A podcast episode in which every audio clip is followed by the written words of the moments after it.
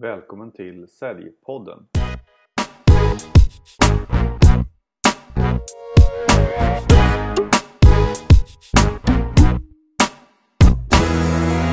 Idag har jag äntligen med mig en kvinna i Säljpodden och det är ingen mindre än friluftsexperten, eventskaparen och VDn för Aktivut, Sofie Djurgård Lövgren. Och du har kunder som Haglöfs, Fjällräven, Naturkompaniet och många andra i din portfölj. Du skapar allt ifrån stora mega-event i fjällvärlden och mindre personliga möten i naturen. Både i Sverige och utomlands. Så välkommen till, till Säljpodden Sofie! Tusen tack! Superkul att vara med! Ja, du, jag tänkte så här innan vi kommer in på ditt eh, företagande och eh, de eventen som du gör med Aktivut och även sånt som du har gjort tidigare så tänkte jag vi kunde prata lite om eh, var du kommer ifrån från början. Ja, eh, jag är född och uppvuxen i Stockholm, eller i en förort till Stockholm, Nacka. Ja. Och det som hände var att mina föräldrar som inte är några jättefriluftsfantaster men de tog med mig på skidåkning väldigt tidigt och vi har varit mycket i fjällen och i Alperna och rest väldigt mycket och det där fick jag blodad tand för så att jag lämnade Stockholm egentligen så fort som möjligt efter gymnasiet och utbildade mig till skidlärare. Mm. Och på den vägen är det. Men hur är det att leva i Östersund för en stockholmare då? Ja, det är suveränt. Annars hade vi inte varit kvar här. Det är jättebra. Varken jag eller min man kommer härifrån så att, så att vi har ju liksom etablerat ett liv här och det passar oss jättebra med nära till friluftslivet, mycket aktiviteter precis runt husknuten, väldigt många likasinnade och ett bra företagsklimat också. Ja. Men hur, är det i Östersund och ehm, som stad då? För de som inte känner till det så bra. Mm, många flyger ju eller åker tåg till Åre eller flyger till Östersund och så åker de buss upp till Åre utan att egentligen besöka Östersund. Mm. Eh, Östersund har ju strax under 60 000 invånare och det är en, en eh, väldigt trevlig stad som ligger med sluttande ner mot Storsjön. Eh, det finns allt utbud man kan tänka sig men inte så mycket överflöd som det kanske gör i storstäderna utan det finns det man behöver och lite till.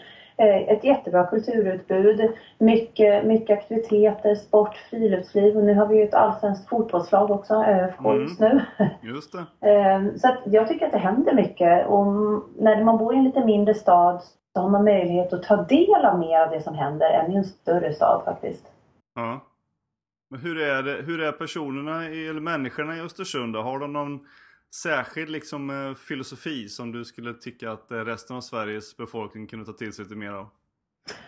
Eh, ja, det ska ju vara att man är att, att uteaktiviteter och friluftsliv är helt naturligt. Det är någonting som försiggår varje dag i allas liv i stort sett. Man är, man är ute i skogen och på fjället och man åker skridskor på sjön och det är hela tiden nära till hands. Och, och är man inte en sån som springer och åker skidor så är ofta så, så kanske man är ute med skoten eller jagar eller fiskar. Och det finns så himla många kvaliteter med att vara ute och det är väldigt gemensamt för alla som bor här uppe. Sen Mm. finns det ju också lite av det här med ja, men att man ska vara infödd jämte och det blir ju inte förrän efter tredje eller fjärde generationen och sådana där saker. Men, men jag tycker att det där får man bara stå över och, och släppa och så får man, får man se till att ha människor runt omkring sig som är kreativa och, och, och lite nytänkande. Så. Du har inte stött på motstånd då för att du eh, kommer från Stockholm?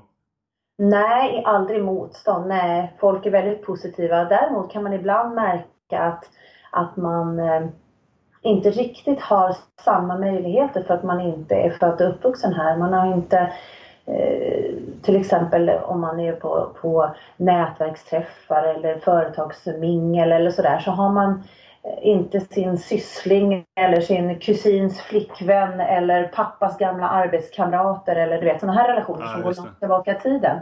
De finns inte för mig här utan jag måste skapa allting från scratch. Ja. Så att det hänger liksom på mitt jobb själv. Men för mig så spelar inte det jättestor roll just nu i mitt företagande därför att jag har mina kunder mycket utanför Östersund. Däremot så har vi valt att bo här för att vi trivs här. Eh, men, men det vore kul att göra mer saker här i Jämtland. Mm. Men jag tänkte liksom eh, lite grann tillbaka ändå från, från uppväxten. När du, du utbildade dig till skidlärare för att du gillade att eh, när dina föräldrar tog med dig ut och sådär. Men vad tänkte du att du skulle bli när du gick i skolan? Ja, jag, jag tänkte att jag skulle bli veterinär. Okej. Ja, varför kan jag inte riktigt idag säga för att jag har aldrig varit någon riktig sån där. Jag var en hästtjej. Men, men eh, vi hade inga djur hemma mer än någon enstaka liten kanin och vandrande pinne liksom. Men, eh, Mm. men, men det, hade jag, det ville jag gärna bli. Men i och med att jag flyttade från Stockholm hamnade i Sälen på skidlärarutbildning. Sen hamnade i Riksgränsen, jobbade som skidlärare och i sportshoppen där. Mm. Eh, och sen så hamnade jag i Örebro, läste till idrottslärare Mm. när du var med. Precis. Eh, och efter det så, så var det liksom inget alternativ längre utan det var ju någonting med fysisk aktivitet och friluftsliv som jag ville hålla på med. Ja. För vi, som sagt för de som lyssnar, vi gick ju faktiskt i samma klass då i slutet på 90-talet på GH i Ja. Örebro och läste idrottslärare bägge två. Och jag Ja, kommer ihåg precis. att eh, redan då så kände sig du liksom väldigt bekväm med, med utelivet och, och skidåkning och friluftslivet och hela sådana saker när, som när vi var ute. Men var det Jo, liksom men- något som du hade, då hade du sysslat med det ganska länge redan? Ja, jag hade ju redan, jag hade redan då utbildat mig till friluftsguide, jobbat som guide och som skidlärare och, och i sportshoppen då i Riksgränsen. Jag hade guidat mycket grupper i utlandet, mycket skidgrupper i Alperna, exklusiva konferensresor. Eh, plus att jag var ju inte sådär purung när jag gick GH heller så att jag hade ju hunnit göra lite annat. Mm. Eh, Men för mig kändes det viktigt att få med friluftslivsfokuset och jag tror att alla vi som pluggade hade vårt eget fokus. Ja, men någon spelar fotboll och någon höll på med boxning och någon höll på med gymnastik och, och var och en tog med sitt fokus så att Mm. det, blev en bra, det blev en bra blandning. Eh, men friluftslivet är viktigt och vi ser ju idag att all forskning pekar på att det är, finns stora fördelar med att idka friluftsliv. Oavsett om det är i form av, av eh, att springa fort med klocka på armen eller om det är att, att flanera och plocka svamp. Mm. Jag tänkte vi skulle komma in lite grann på det om en litet tag här i, i det här avsnittet. Men jag tänkte på, eh, i och med att vi gick på GH, att du blev, precis som jag, utbildad idrottslärare. Men du, och du gjorde det ett tag, men liksom när kände du att det inte var något som du ville fortsätta med? Ja, eh, ja, efter GH så flyttade jag direkt till Östersund och samtidigt som jag fick mitt första idrottslärarjobb så startade jag mitt företag Aktivut. Mm. Eh, därför att vi hade ju förstått att det fanns, fanns jobb att göra som guider och, och, och skidguider och sådär. Eh, så att jag jobbade fem år på en kommunal skola och sen så jobbade jag ett år och var med och startade Prolympia i Östersund Mhm. med idrottsinriktning. Eh, Men när de där sex åren hade gått och, och eh, jag var föräldraledig med yngsta sonen så tänkte jag att nej, nu testar jag och kör på med företaget. Jag var tvungen att välja, jag kunde liksom inte kombinera längre. Ja. Det gick inte, det är för svårt att kombinera som lärare med, med vikarier och tid borta och förberedelser, efterarbete och sånt där. Så att jag bestämde mig helt enkelt för att prova och, och sen har jag bara kört på efter det. Och det har gått jättebra och det är fantastiskt roligt så att jag ser liksom ingen anledning till att, att göra någonting annat. Jag tänker ibland att gemenskapen i arbetslaget skulle, skulle vara rolig att ha tillbaka. Det är egentligen det jag saknar mest från skolans värld. Ja. Men, men, men jag träffar så oerhört mycket människor och, och är med i givande samtal och situationer i mitt företagande. Så, så att eh, jag tycker att det här är toppen. Vad var det första eventet som du skapade med, med eh, ditt egna företag då? Eh, det första eventet vi var med och byggde hette Fjällräven Extrem Marathon, förkortas FEM, Mm. och gick upp i Åre Ett litet event. på sommartid. Nej, det var inte så litet. Det var litet när det började, Ja, okej. men det var inte så litet när det slutade. Nej. Jag brukar lite sådär med, med, med skämt i, i rösten säga att vi visade Åre att det gick att högt på sommaren. Ja, För på den tiden så var det totalt stängt i Åre.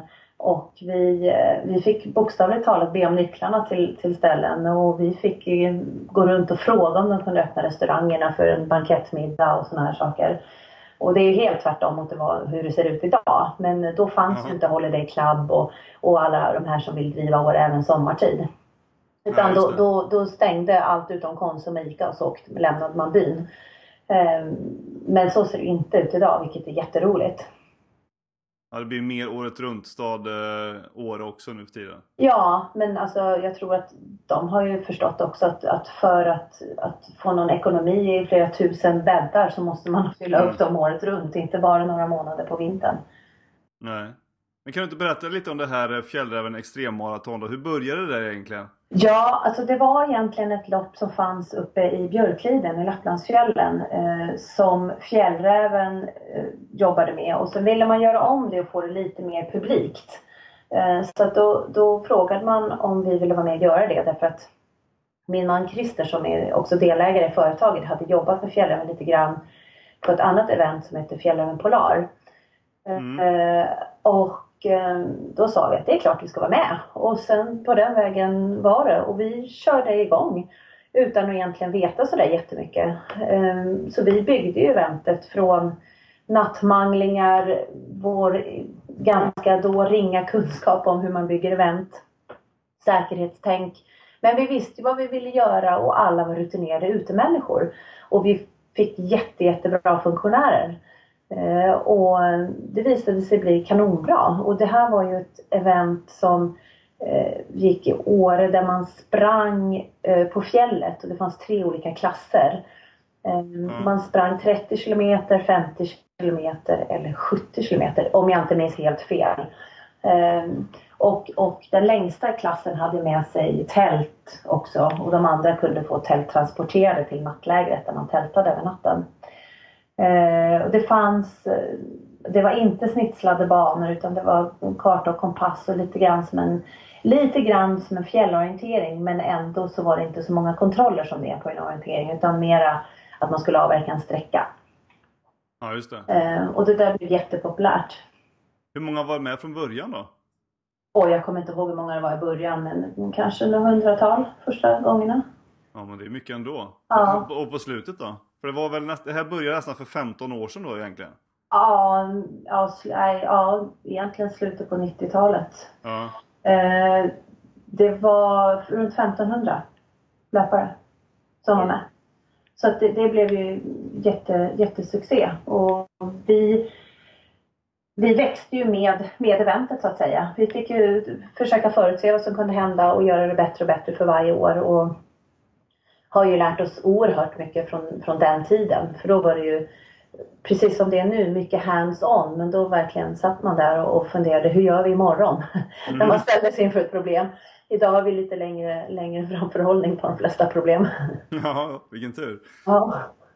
Men hur gjorde du i början då? För om du inte var så etablerad och initialt, men hur liksom gjorde du för att få med funktionärer och volontärer och, och liksom projektanställda och sånt, att de, att de skulle vara med och jobba på det här?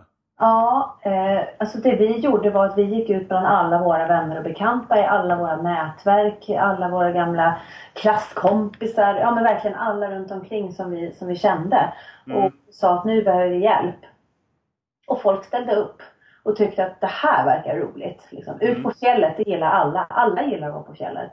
Mm. Eh, så, så folk kom och var med och eh, ställde upp mot mat och husrum och jag tror att de fick en t-shirt Ungefär så. Mm. Eh, och vi har till och med funktionärer kvar idag som var med oss och jobbade då. Som, som liksom har varit oss trogna, vilket vi är enormt tacksamma för. Ja, härligt. Ja, det är otroligt. Alltså de vet ju, vi vet verkligen vad de går för och de vet vad vi går för. Ja. Men vad gör ni för andra, för det här Fjällräven Extremmaraton, det finns inte kvar nu, det har tagit en annan skepnad eller? Ja, precis. Efter några år i Åre så insåg Fjällräven och vi att det här var ju inte egentligen ett event som passade Fjällrävens varumärke sådär jättebra. Mm. Eh, utan man ville ju ha någonting som var lite mer Fjällräven. Eh, och då tog vi med oss hela fem och flyttade till Kirunafjällen igen kan man säga. Tillbaka mm. till där det egentligen kom ifrån. Okay. Och då körde vi ett år där vi hade eh, det första eventet, då körde vi fem men parallellt med det så drog vi igång ett annat event och det heter Fjällräven Classic. Eh, och det var ett vandringsevenemang, ett motionslopp. Och eh, sen släppte vi fem och sen har vi satsat på Fjällräven Classic tillsammans med Fjällräven då. Eh, och man kan väl säga så här att, att med facit i hand och hur det har utvecklats i Årefjällen så skulle vi såklart ha behållit fem i Åre. För det hade ju varit ett klockrent koncept idag också. Mm. Men det visste vi inte då och då var det väldigt trögarbetat och då valde vi att satsa på Fjällräven Classic. Som i och för sig också är, har blivit en stor succé. Men hinner du göra någonting annat än de här projekten då? Eh, ja, vi har Eller tar det liksom hela, hela året att fixa de här grejerna? Alltså, vi jobbar året runt med dem, men inte dagligen året runt. Utan vi har ju Fjällräven Classic är vårt största event som vi jobbar med på Aktivut. Eh, och det har nu pågått i 12 år eh, uppe mm. i Kepfjällen. Så där börjar vi bli väl inkörda. Eh, sen i anslutning till Fjällräven Classic så finns det ett, ett lopp med tidtagning som heter Tierra Arctic Ultra. Som går precis före, som är ett ultralopp. I Skyrunning-serien. sen finns det också ett lopp i på Sörmlandsleden i Stockholm som heter Björnturen som vi gör åt Naturkompaniet. Eh, och det är också vandring, ingen tävling utan det är folkfest. Mm. I juni. Eh, sen har vi ett lopp som vi jobbar tillsammans med Icebug som är ett eh, skomärke från Göteborg. Mm. Som, de är mest kända för att göra skor med dubbar på. Det är många så här hundermänniskor ja, och vinterskor. Men det är också jättefina sommarlöparskor med ett jättebra gummi. Bra mm. grepp. Mm.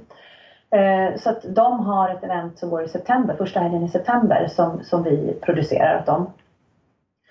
Och där är det ju löpartävling eller vandring. Så det är också väldigt finurligt att man kan välja. Eh, man kan ta med sig barnen. Det finns Kids Camp under tiden.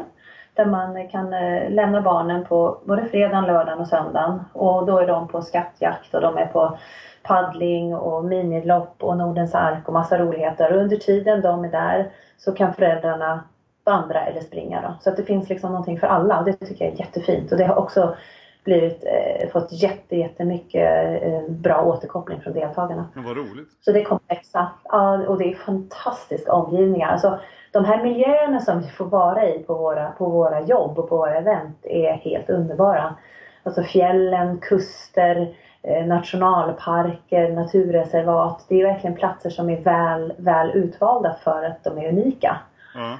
Och att då få lyfta dem för människor och locka människor ut i naturen, det, det tycker jag är helt fantastiskt.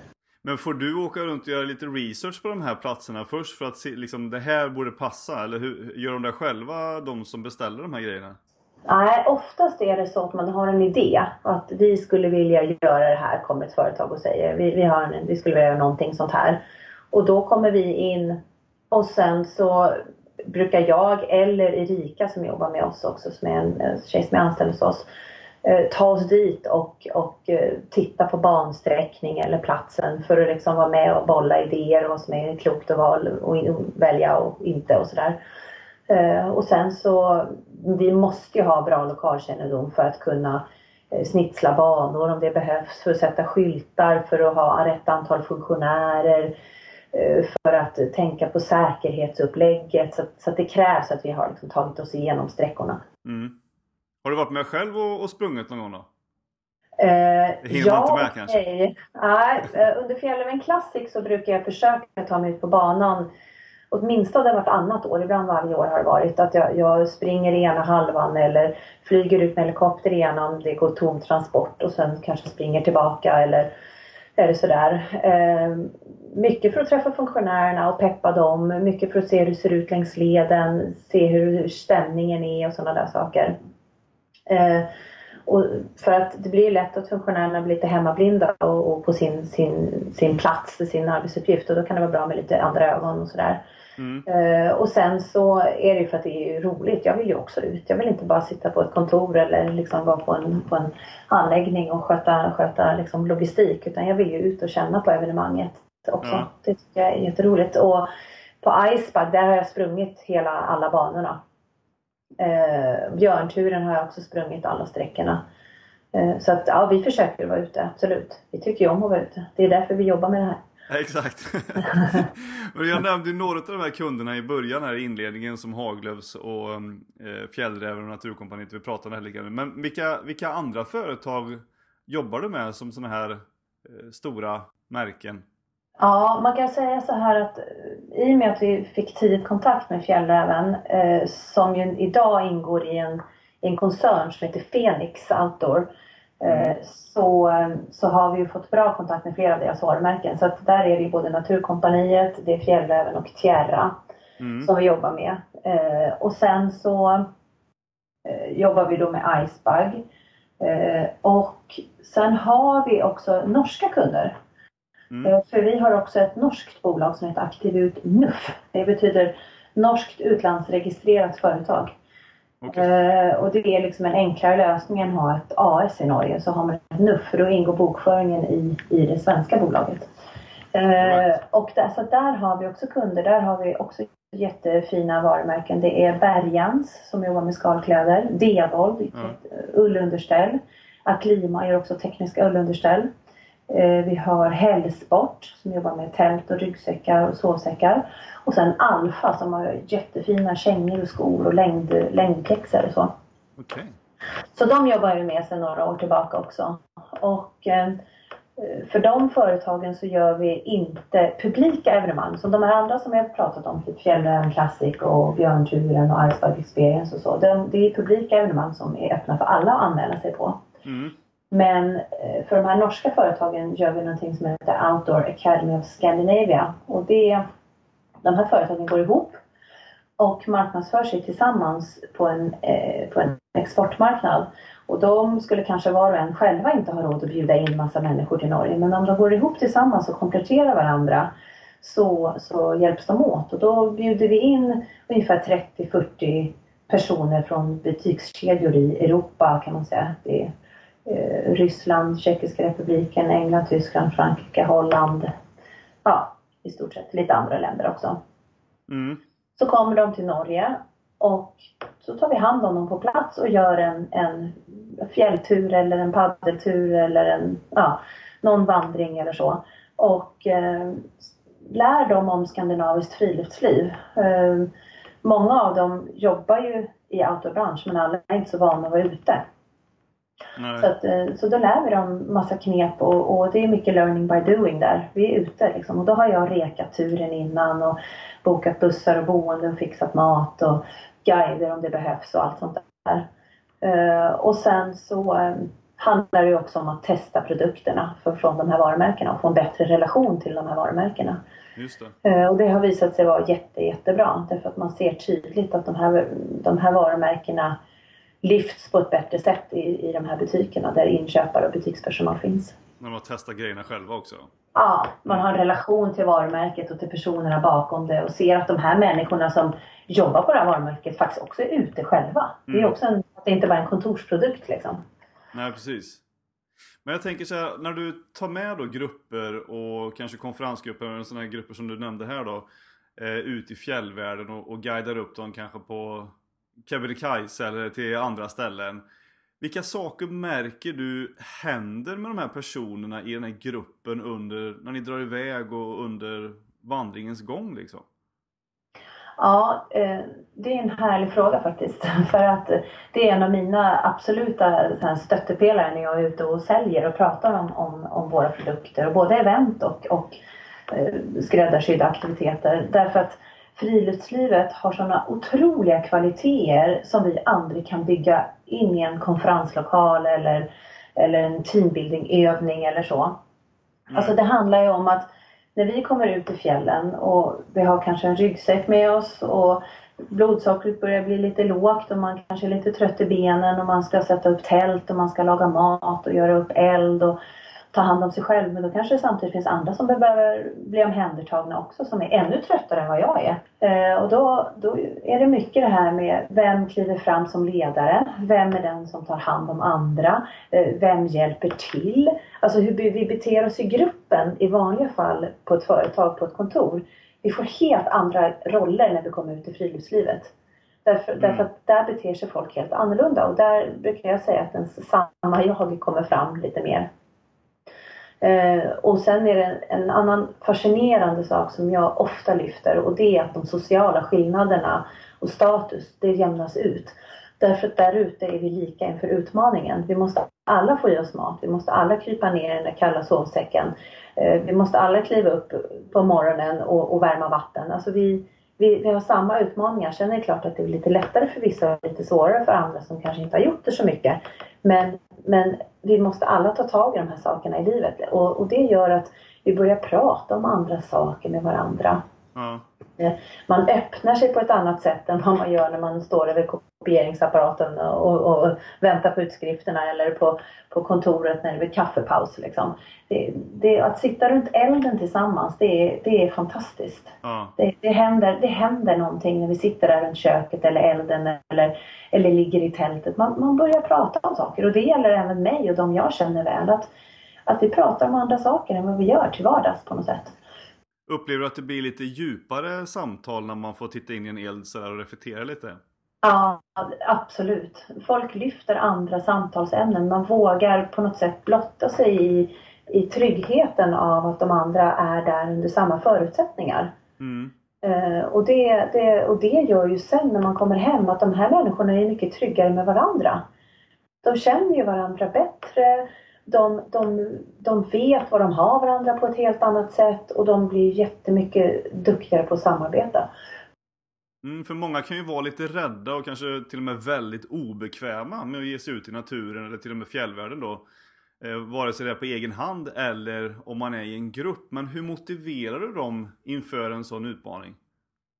Ja, alltså det är faktiskt en, det är en svår sak. Därför att många är lite rädda för att få sin personal eller sina samarbetspartner eller distributörer för all del och pusha, pusha gränserna lite grann. Mm. Men, men som till exempel i, i maj i år då hade vi ett, gjorde vi ett jubileum mot ett företag som heter Mora Kniv som är ett gammalt historiskt företag i, i Sverige. Mm. Eh, och då gjorde vi så att där var det jättemånga som inte var så friluftsvana för de har många kunder som jobbar inom helt andra branscher. Mm.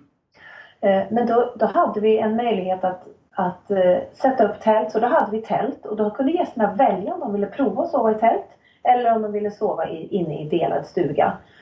Och det som var kul var att många valde att prova att sova i tält fast de hade aldrig gjort det förut. Och då tycker jag att då hjälpte vi dem att pusha sin gräns lite grann och göra någonting nytt under trygga, säkra former. Väldigt lättsamt. Det var verkligen inget extremt. Det var att krypa in i en sovsäck och sova i tält. Det fanns badrum i närheten. Så här. Men de provade någonting de aldrig hade gjort förut. Mm. Och det ser jag som en jättestor vinst för de kom hem en erfarenhet rikare. Mm. Så att man kan alltid hitta nivåer. Jag menar för de som har, har sovit i tält jättemycket, ja men då kanske vi ska gräva bivack istället för dem. För jag menar, för dem är det att pusha gränsen. Eh, Mm. Men, men att liksom våga prova lite nya saker, det är inte farligt en eller två nätter i tält. Det är ingenting man liksom dör av utan det är när man väl kommer kommer till, kommer till ro så är det riktigt mysigt. Och, och jag skulle jättegärna vilja att fler företag vågade jobba med, med friluftsliv. Ja, och när du pratar med företag, hur säljer, hur säljer du liksom in värdet av att vara ute i naturen på konferens eller som en, en grej med företag? Mm. Eh, det finns ju många olika värden. Dels det här som jag sa alldeles nyss, att man lär känna varandra på ett annat sätt. Man kommer varandra närmare. Ja. Eh, Men en annan jätteviktig poäng är ju att vi ser idag att friluftsliv är populärt. Många högutbildade människor ägnar sig åt friluftsliv som, som på fritiden. Mm. Eh, Och det gör ju att som företag så är det här också en rekryteringsanledning. Alltså jobbar man med friluftsliv i ett företag och kan säga det till sin personal att ja, men, eh, två gånger om året så har vi en friluftshelg. Mm. Eller, eller vi har en, en skidresa och en vandringstur.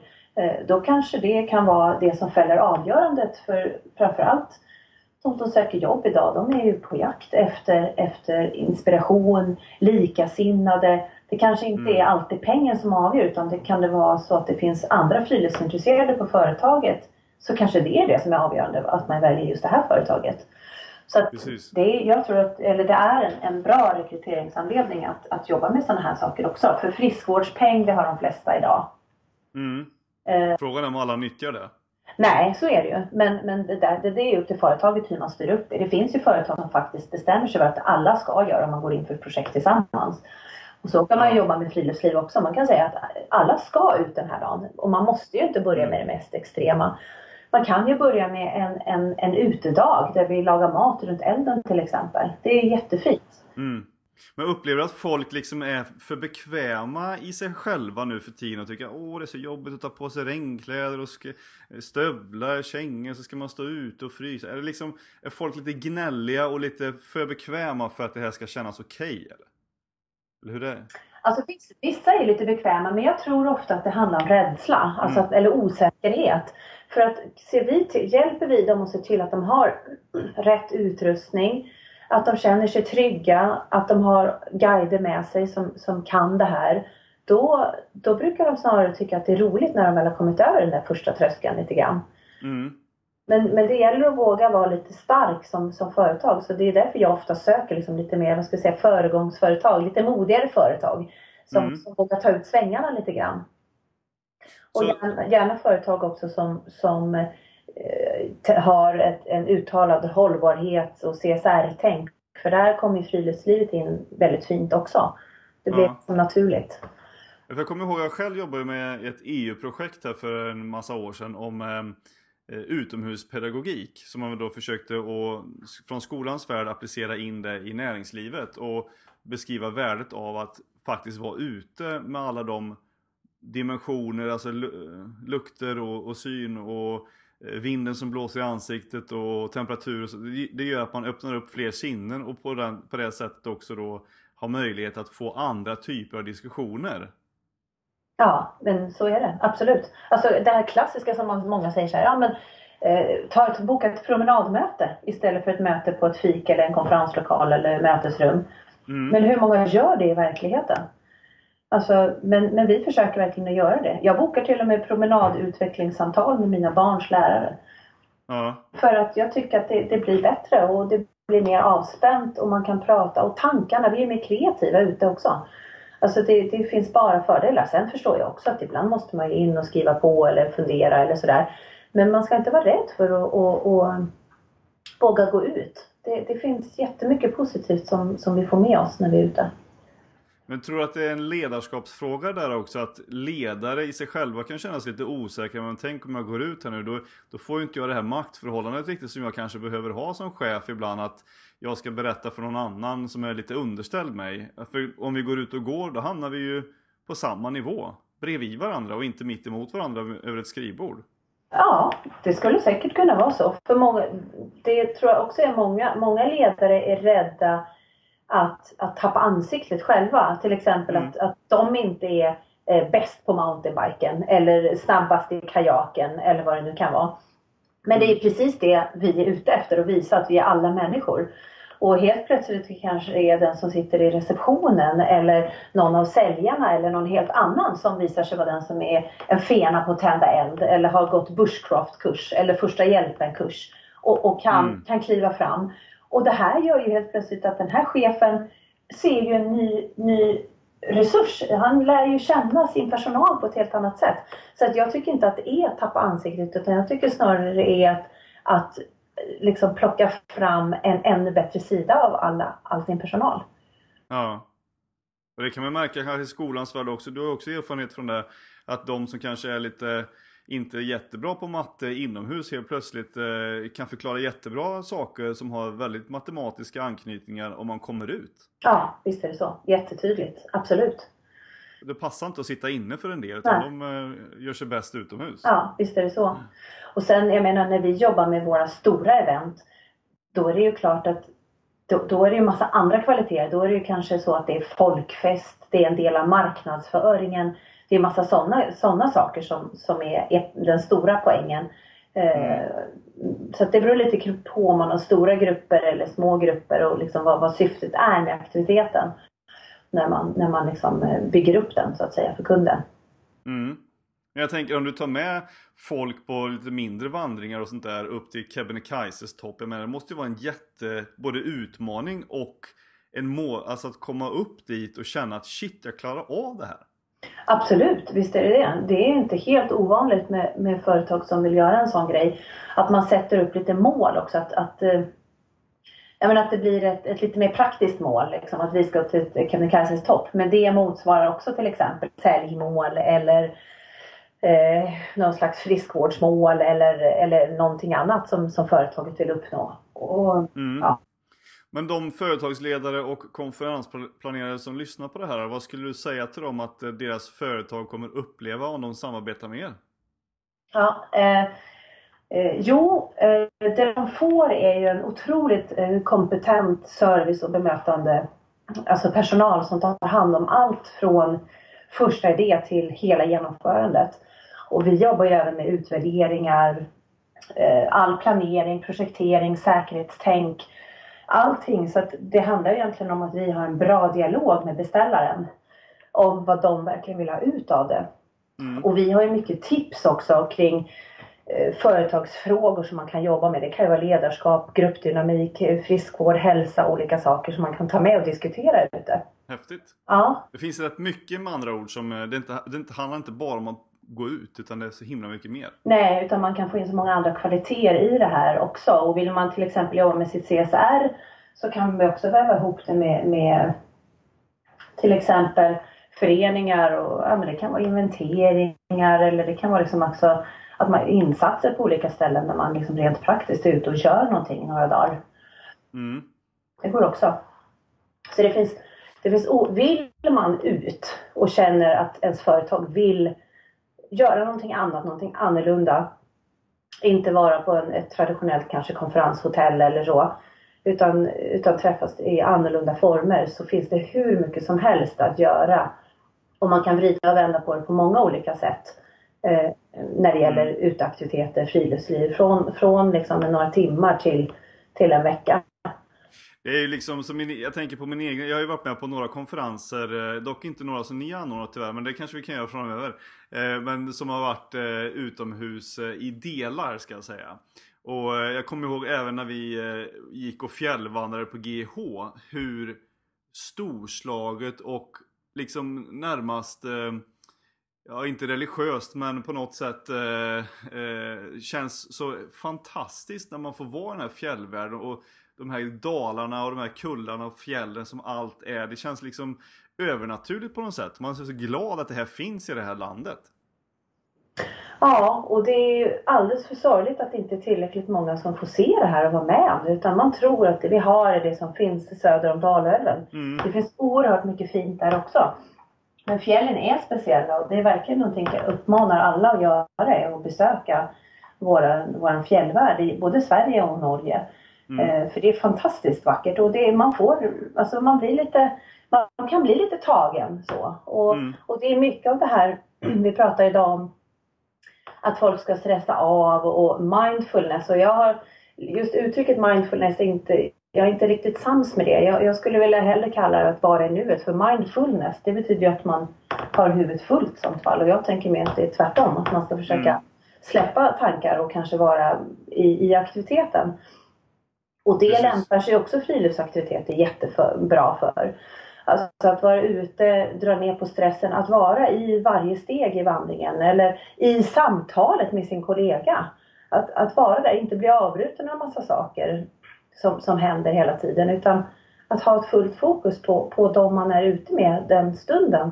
Och, och, och att kunna föra samtal i lugn och ro eh, med, med tid till eftertanke.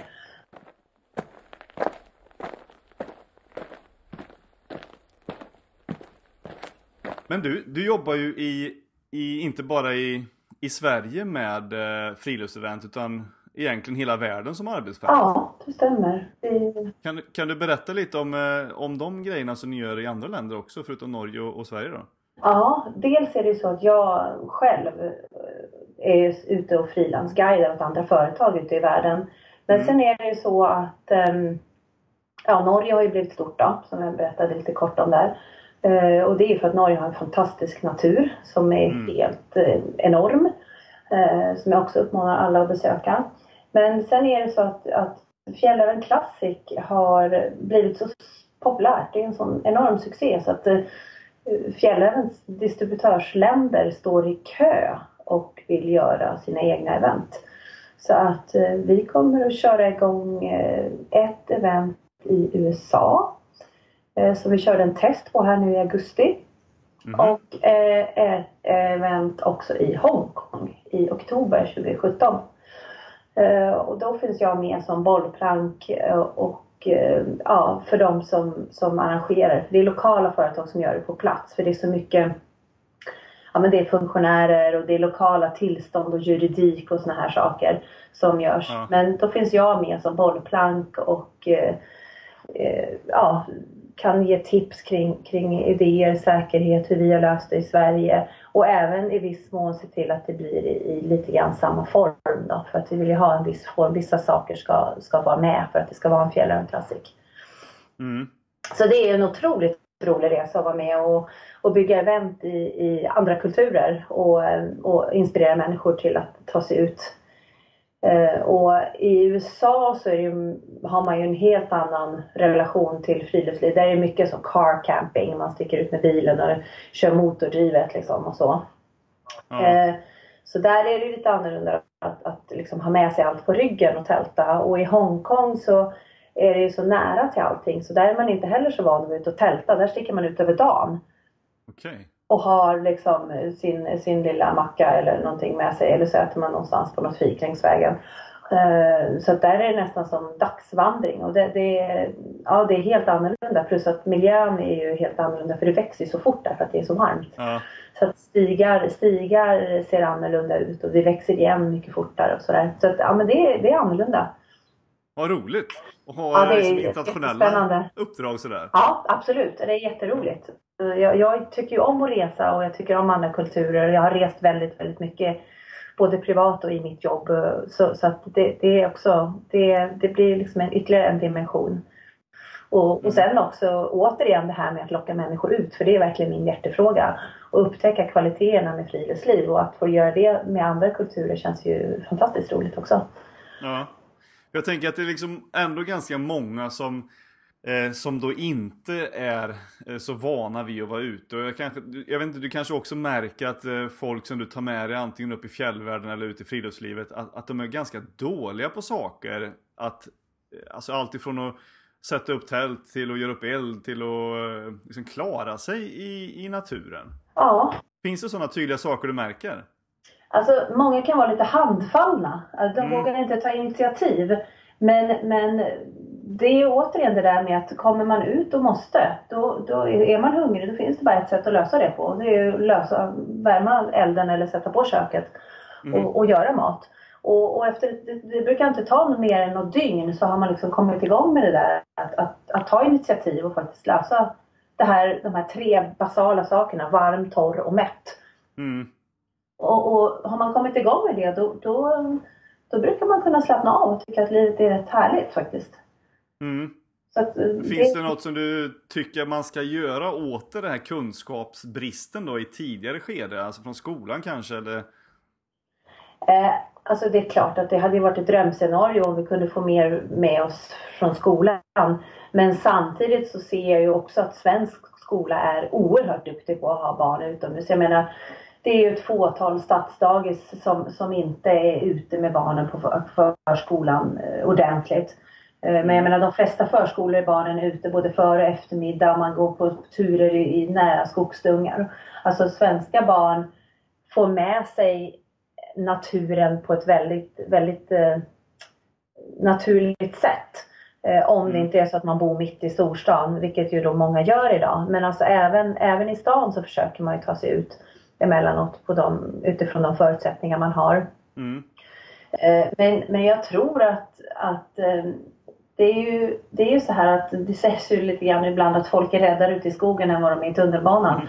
Men, men det, det, är ju inte så många i skogen som kan göra något tok liksom. Så att, eh, ute i skogen är man betydligt tryggare. Men det handlar liksom om att vända på, vända på begreppen lite grann och det är ju en vanesak. Mm.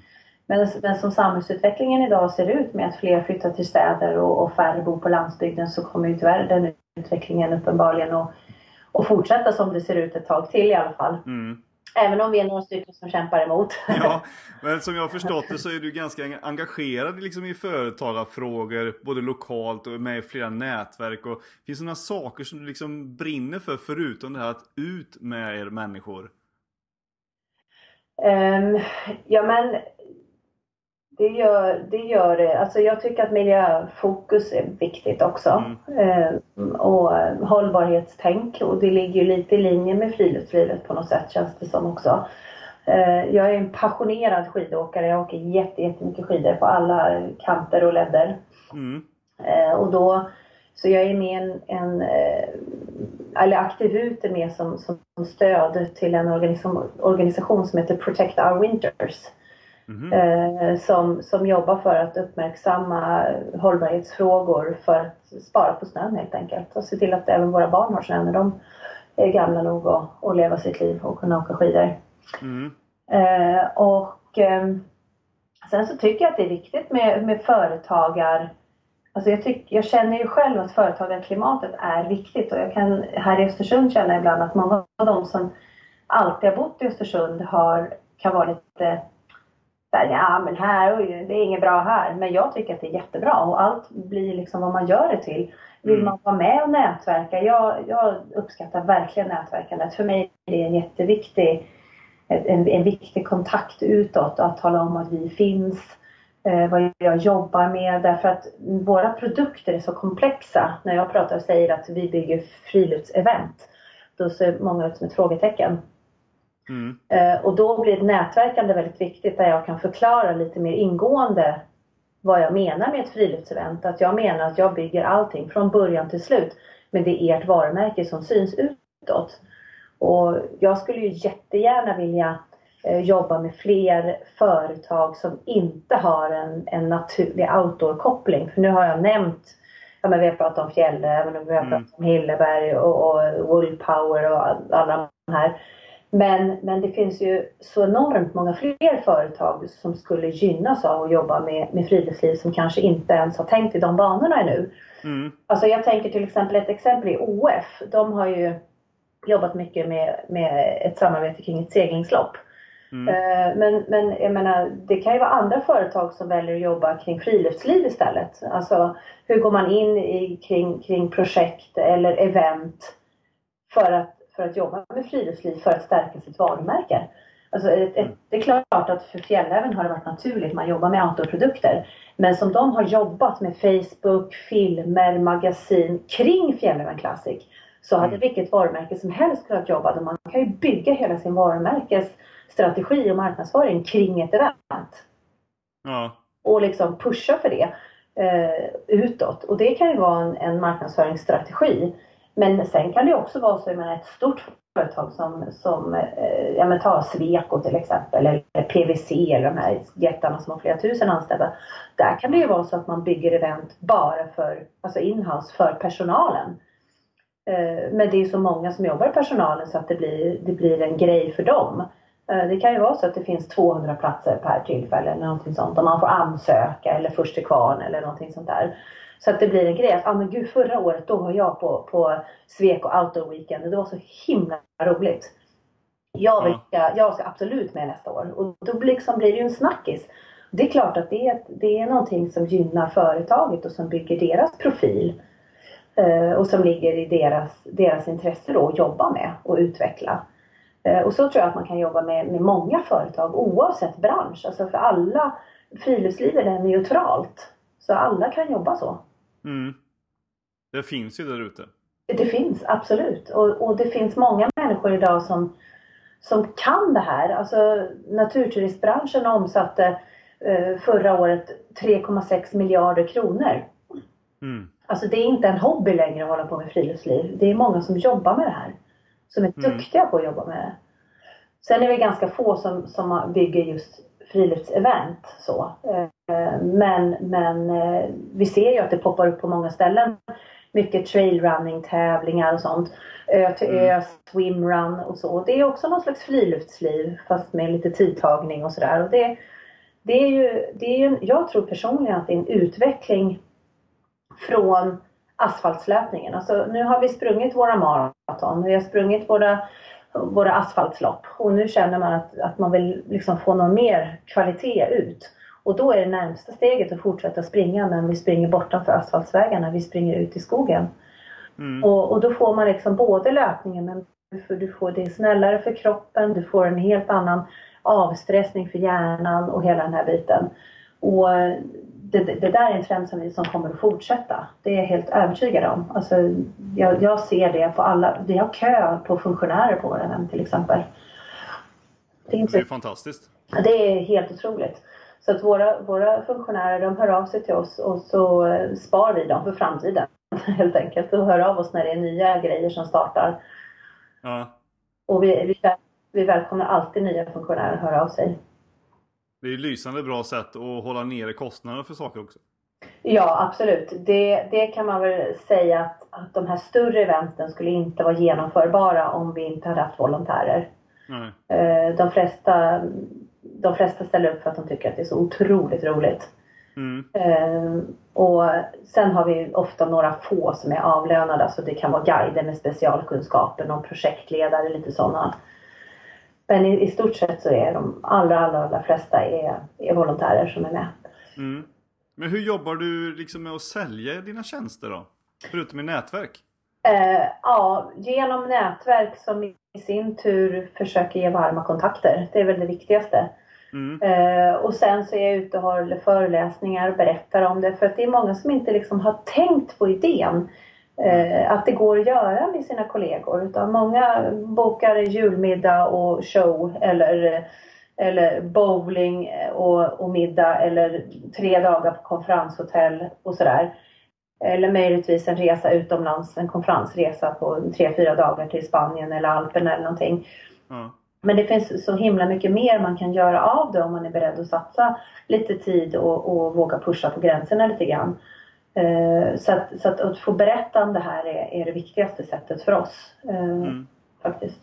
Upplever du att det är svårt för de som du tar kontakt med då att begripa det här? Nej, alltså många förstår. Eh, vår produkt kan ju vara lite komplex och därför behöver jag förklara. Men de som har någon gång känt av friluftslivet. Alltså det räcker nästan att man har tagit en skogspromenad, vilket de allra flesta har gjort. Mm. Eh, förstår vad jag pratar om. Därför att de, någonstans i, i vår ryggrad så sitter det en, en känsla av, av positiv inställning till, till uteaktiviteter och friluftsliv. Och, och folk säger ofta så här, åh jag, jag, måste få nypa luft eller jag måste gå ut eller mm. och det, här, det, det, det, finns i oss att vi behöver ha det här. Alltså det, det, det, är, det är viktigt för oss som människor. Och, och, kan vi hjälpa människor att ta sig ut och berätta om det här så, så blir det ju ännu lättare. Men det är lättare att få människor som är själv friluftsintresserade att, att uh, nappa. Så ja, precis. För de har liksom en annan förförståelse. Ja, exakt. Mm. Men vad kan man som säljare eller chef då lära sig av dina er erfarenheter? Vad vill du att de ska liksom ta med sig från eh, de eventen och konferenserna som ni gör? Mycket relations, eh, relationsbyggande. Alltså mm. vem vill sluta som kund hos sin revisor eller revisionsbyrå om man får vandra med sin revisor en gång om året i fjällen? Du kommer ju få de bästa skattetipsen. Jag menar, det är ju snack, eller hur? när revisorn börjar prata liksom. Och, och, och, och, och, sen är det ju ömsesidigt. Då kommer revisionsfirman kommer ju bara få nya kunder därför att de har ju en sån himla trevlig vandra med en revisor en gång om året. Det är perfekt. Alltså det är, jag föreslår själv. Ja. ja men det är ju, det är ju klockrent. Det kan ju vara samma sak, alltså, det ser vi på de här outdoorföretagen. Det de gör är ju att skapa en relation med sina säljare ute i länderna. Mm. Och det kan man göra i alla företag om du är dörrförsäljare eller om du, är, eller om du säljer muttrar, det spelar ingen större roll för du måste ändå ha, det, det är relationen som är så viktig med din kund. Och den kommer bli bättre om man gör grejer utomhus? Absolut. Ja. Alla, alla har bott på fyra och femstjärniga hotell. De har ätit sina fina middagar. De har provat det. Ja. Det är ingenting som liksom sticker ut längre idag. Nej, det är ju lite annat att göra någonting som eh, tar fram andra kvaliteter hos människor givetvis. Det ser man ju inte inom fyra dörrar, eller fyra väggar. Nej, precis. Eh, men finns det något annat eller mer saker som du skulle vilja göra mer av i framtiden som du inte gjort hittills?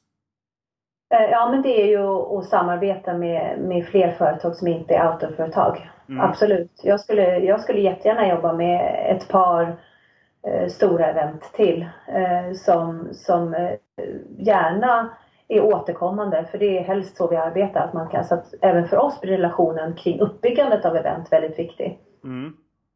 Så återkommande event eh, och modiga företag som inte är i friluftsbranschen.